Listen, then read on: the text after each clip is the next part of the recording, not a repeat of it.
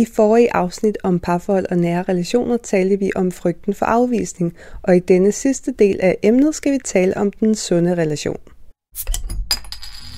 I Danmark er næsten en ud af syv store forbrugere af alkohol og drikker over Sundhedsstyrelsens maksimale genstandsgrænse. Det betyder også, at ca. 122.000 børn lever i familier med et decideret alkoholmisbrug. Og det har alvorlige konsekvenser for børnene helt ind i voksenlivet.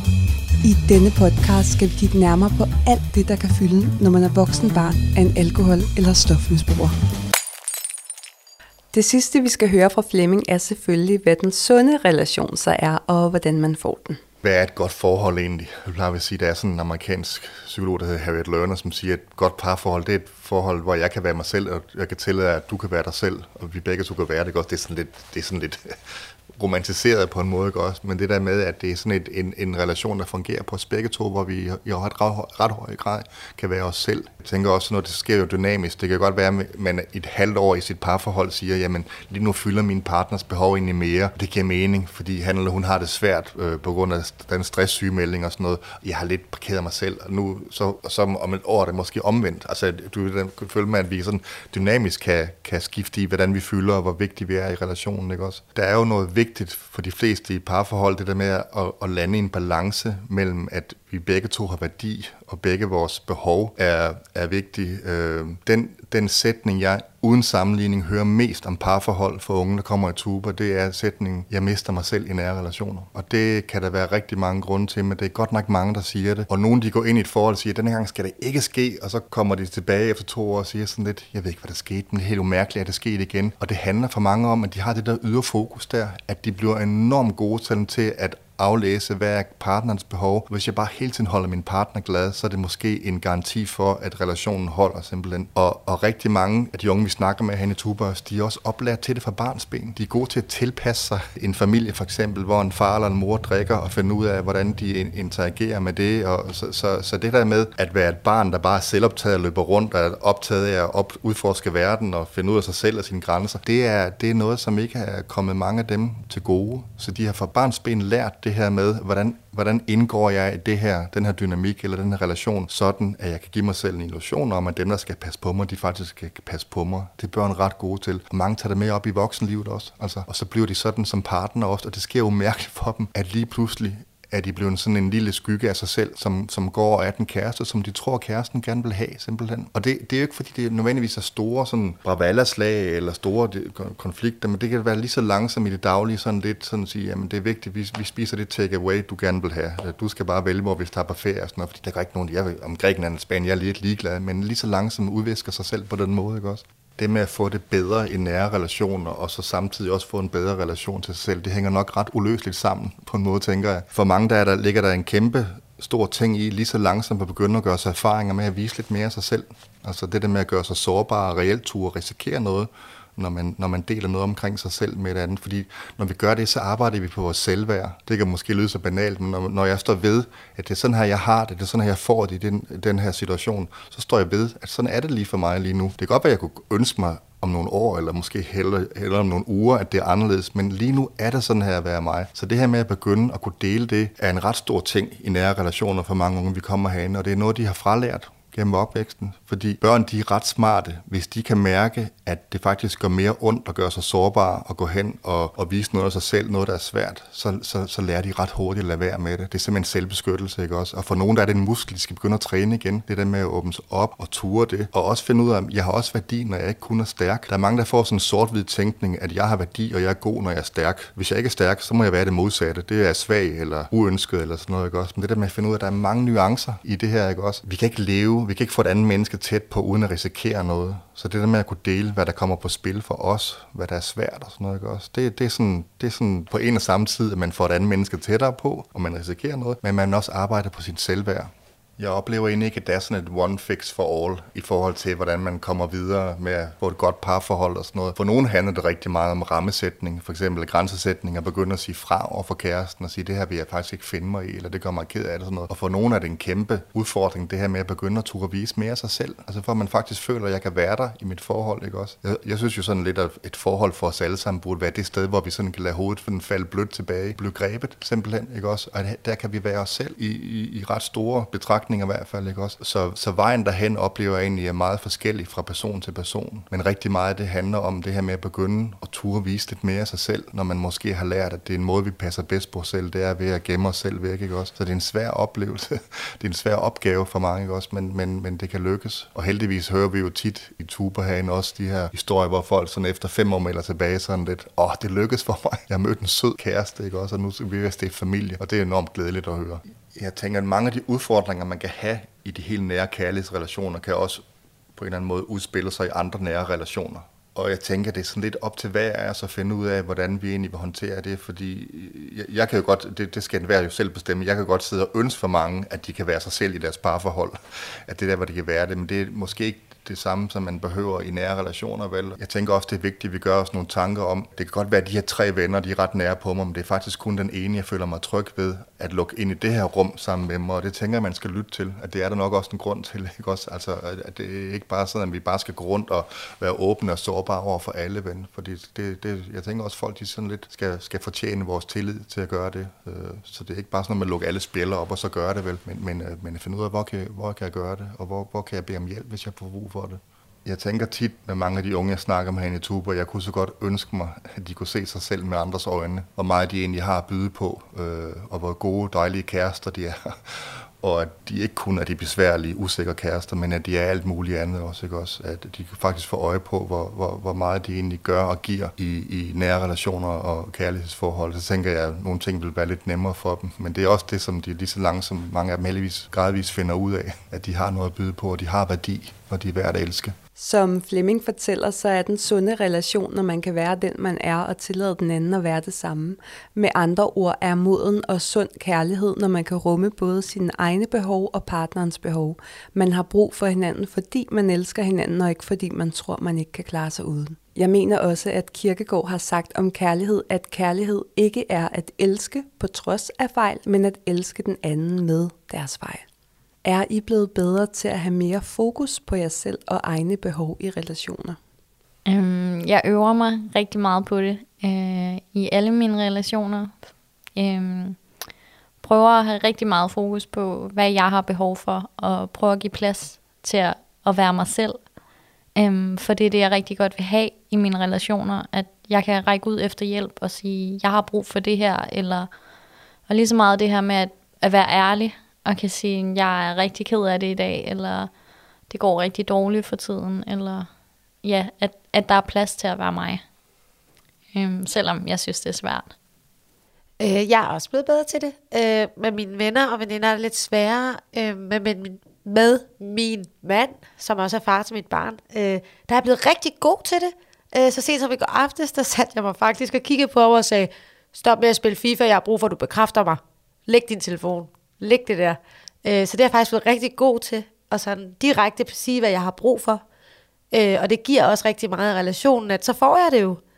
Øh, så der er ikke de der spil og alt det her imellem os mere. Der er jeg blevet rigtig god til også, hvis jeg kommer hjem fra arbejde og siger, jeg er ked af det i dag, eller jeg er træt i dag, eller, og så rummer vi ligesom hinanden. Øh, det giver virkelig en ro, men det var meget svært i starten. Men øh, det er virkelig dejligt at være der. Hvordan går det i dag med at sætte grænser? Altså, øh, jeg synes, det går bedre. Det kunne godt gå endnu bedre. Øh, jeg har gjort nogle meget store ting i mit liv. Øh, der er nogle mennesker, jeg ikke taler med lige nu. Faktisk også noget familie, øh, som jeg savner. Men det var ikke det rigtige, at vi skulle tale sammen lige nu, for det var dårligt for mig. Så det var sådan en rigtig, rigtig, rigtig stor grænse men ja, nærmest nu undskylder jeg allerede for det, ikke? Og siger, at det var med i kærlighed, og det var alt muligt. Øh, men jeg gjorde det, og det var virkelig en milepæl, men jeg er også blevet bedre sådan til de små ting, når man er sammen med en veninde og sætter grænser og ligesom give udtryk for sin egen behov. Jeg har lyst til pizza. Færdig. Vi køber pizza. Øh, men det er jo noget, vi skal øve os på. i lang tid, tænker jeg.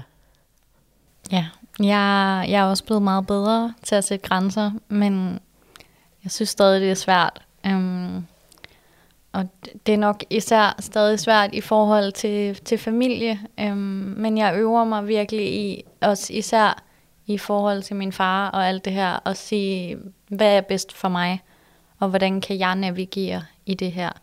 Og jeg synes, jeg bliver bedre hele tiden til at sige fra, og sige, nu har jeg lige brug for, at, at jeg trækker mig, eller at jeg gør det her. Um, og det fungerer især for mig, det her med at trække mig, at, at jeg ligesom sætter mig først og siger, nu har jeg lige brug for en pause. Og det, det er jeg blevet meget bedre til. Hvordan har I det med uenigheder i relationer nu? Der er vel ikke nogen, der kan lide at være uvenner med andre, eller skændes, eller hvis det er en øh, diskussion, man sådan går ind i, ikke ved, over middagsbordet, man godt ved, om du er rød blok, og jeg er blå blok, så er det jo, hvad det er. Øhm, men jeg tror, det er de færreste mennesker, der kan lide at være uenige og skændes. Øh, og det skal man også huske, at det er normalt. Det er en normal følelse ikke at kunne lide at skændes. Øhm, men jeg er blevet bedre til at se, at det ikke er jordens undergang, at vi er uenige, øh, og komme videre derfra. Lidt mere pyt, i stedet for, at det, det sådan spinner, og man bare øh, får det til at fylde hele verden. Verden står stadig, selvom man har haft det skænderi. Så det fylder ikke lige så meget i dag? Nej. Jeg synes faktisk stadig, det er rigtig svært. Øhm, og også fordi, jeg tror tit, at jeg kan føle mig misforstået. Øhm, og det synes jeg er ubehageligt. Og igen, jeg vil gerne have den der bekræftelse af, at, at du forstår det, jeg mener. Øhm, det kan faktisk gøre mig ekstremt ked af det, øh, hvis jeg føler mig misforstået på den måde. Øhm, og jeg kan stadig have den der følelse af, at øh, selvom jeg egentlig mener, at jeg selv har ret, sådan, nå, måske jeg ikke havde ret alligevel. Øhm, men jeg synes virkelig, jeg er blevet bedre til altså, at være sådan, nej, jeg, jeg har også ret, og min mening kan være lige så rigtig som din. Og så virkelig, jeg føler, jeg stoler mere på mig selv, og, og det jeg siger, øhm, hvor før i tiden, der, der ville jeg netop bare have været sådan, du har ret undskyld. øh, så det er blevet bedre, men jeg synes stadig, det er svært. Laura, er du blevet bedre til at vise dig selv som den, du er inde i? Ja, det er jeg. Øhm, jeg har haft et rigtig stort behov for at blive en person. Det her, jeg sagde før med, at, at jeg har været to personer. Den, jeg var udad til, og den, jeg var inde i. Og jeg har virkelig haft et behov for at være en person. Og jeg er blevet bedre til at embrace min, hvad siger man, jeg ved ikke, om jeg vil sige dårlige sider, men alt det, som jeg har været igennem øh, med min fars misbrug, at jeg har haft en depression. Øhm, alt det er en stor del af mig, og hvorfor jeg er, som jeg er. Øh, og det er noget, som jeg føler nu, at jeg har et stort behov for at vise, for at tale om øh, i mine relationer. Hvilke relationer i jeres liv har været de sundeste? Jeg har en veninde, øh, som jeg mødte, da jeg var på kostskole, øh, som jeg har været veninder med i det må være snart sådan noget 13-14 år-agtigt. Øh, og vi har faktisk haft en sund relation, fordi at selvom jeg har været en sugemalle, så er hun blevet, fordi hun har haft lyst. Øh, og vi har ikke talt så meget om de der følelser, men hun har bare været der alligevel. Så det tror jeg er den sundeste, øh, sammen med så min datter og min mand i dag. Øh, det tror jeg faktisk er de sundeste, jeg har haft. Det er jo altid nemt at tage et barn, men det er faktisk mere kompliceret, end man lige regner med, selvom at hun nærmest stadig er en baby. Øh, så det tror jeg faktisk er de tre. Øhm, jamen, jeg har altid boet tæt på mine bedsteforældre. Øhm, og deres hjem har ligesom fungeret som et helle for mig gennem min barndom. Så når det hele det blev for meget, så kunne jeg komme derned.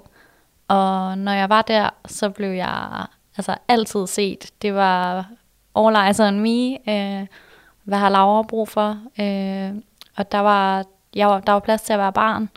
Øh, og jeg kan stadig mærke det den dag i dag, lige så snart jeg kører ind i deres indkørsel, hvordan at mine skuldre, de ligesom sådan falder ned, og at jeg føler, at, at der er plads, og at jeg bliver set og anerkendt. Ja, jeg har også en lignende oplevelse fra min venindes mor. som barn, der tog mig og en anden veninde, som faktisk også er vokset op i et misbrugshjem. Hun tog os begge to ind, og så viste hun os, at vi var værd at elske, og vi var vigtige og værdifulde. Øhm, hun sørgede altid for, at, at vi havde, hvad vi skulle bruge, og øh, altså sådan arrangerede alle mulige arrangementer til os, når vi kom hjem fra skole, og og jeg tror sådan, det der, det er et af de få steder i min barndom, hvor jeg virkelig sådan har følt, at jeg på ingen måde var sådan forkert, eller til besvær, eller i vejen. Øhm, så det er sådan, ja, det er virkelig værdifuldt for mig. Udover at være kompliceret nogle gange, så kan nære relationer og parforholdet være skønt og livsgivende. Jeg vil sige jer to en kæmpe tak, fordi I vil dele jeres tanker og erfaringer om det her ret store emne. Inden vi slutter af, så synes jeg, at vi skal fokusere på, hvad der fylder en op med glæde. For mig kan det fx være at møde nye, hjertevarme mennesker som jer. Så Carla, hvad gør dig glad? Det gør mig glad at kunne være med her og kunne fortælle om de svære ting, øh, så andre måske kan gå en tur og lytte til det her og mærke, at man ikke er alene så gør det mig enormt glad at være mor. Jeg er verdens bedste mor. Yes, I said it. øh, og jeg er verdens bedste kone. Øh, så det er det, der gør mig glad i mit liv lige nu. Familie. Og Laura, hvad gør dig glad? Øhm, jamen, det, der gør mig glad, det er nære relationer. Øhm, det gør mig inderligt glad, at, at jeg har mennesker i mit liv, som jeg i dag har lukket ind, og som jeg kan komme til at fortælle, når tingene er svært, eller fortælle, at jeg skal herhen, og der er veninder, der sender blomster og held og lykke, og der er to venner, der har kørt mig herover øh, og talt med mig om det, og som bare generelt bakker mig op. Øhm, så nære relationer, der, der accepterer mig, og som faktisk godt kan lide mig for den, jeg er, og som griber mig, når jeg falder. Mange tak for den gode energi fra jer to. Det var vores tanker om emnet parforhold og nære relationer, så det er med, du kan bruge. Om ikke andet, så håber jeg, at du har fået noget ny og brugbar viden om emnet. Tak til Carla og Laura, fordi I kom og delte, og tak til terapeut Flemming Langhoff.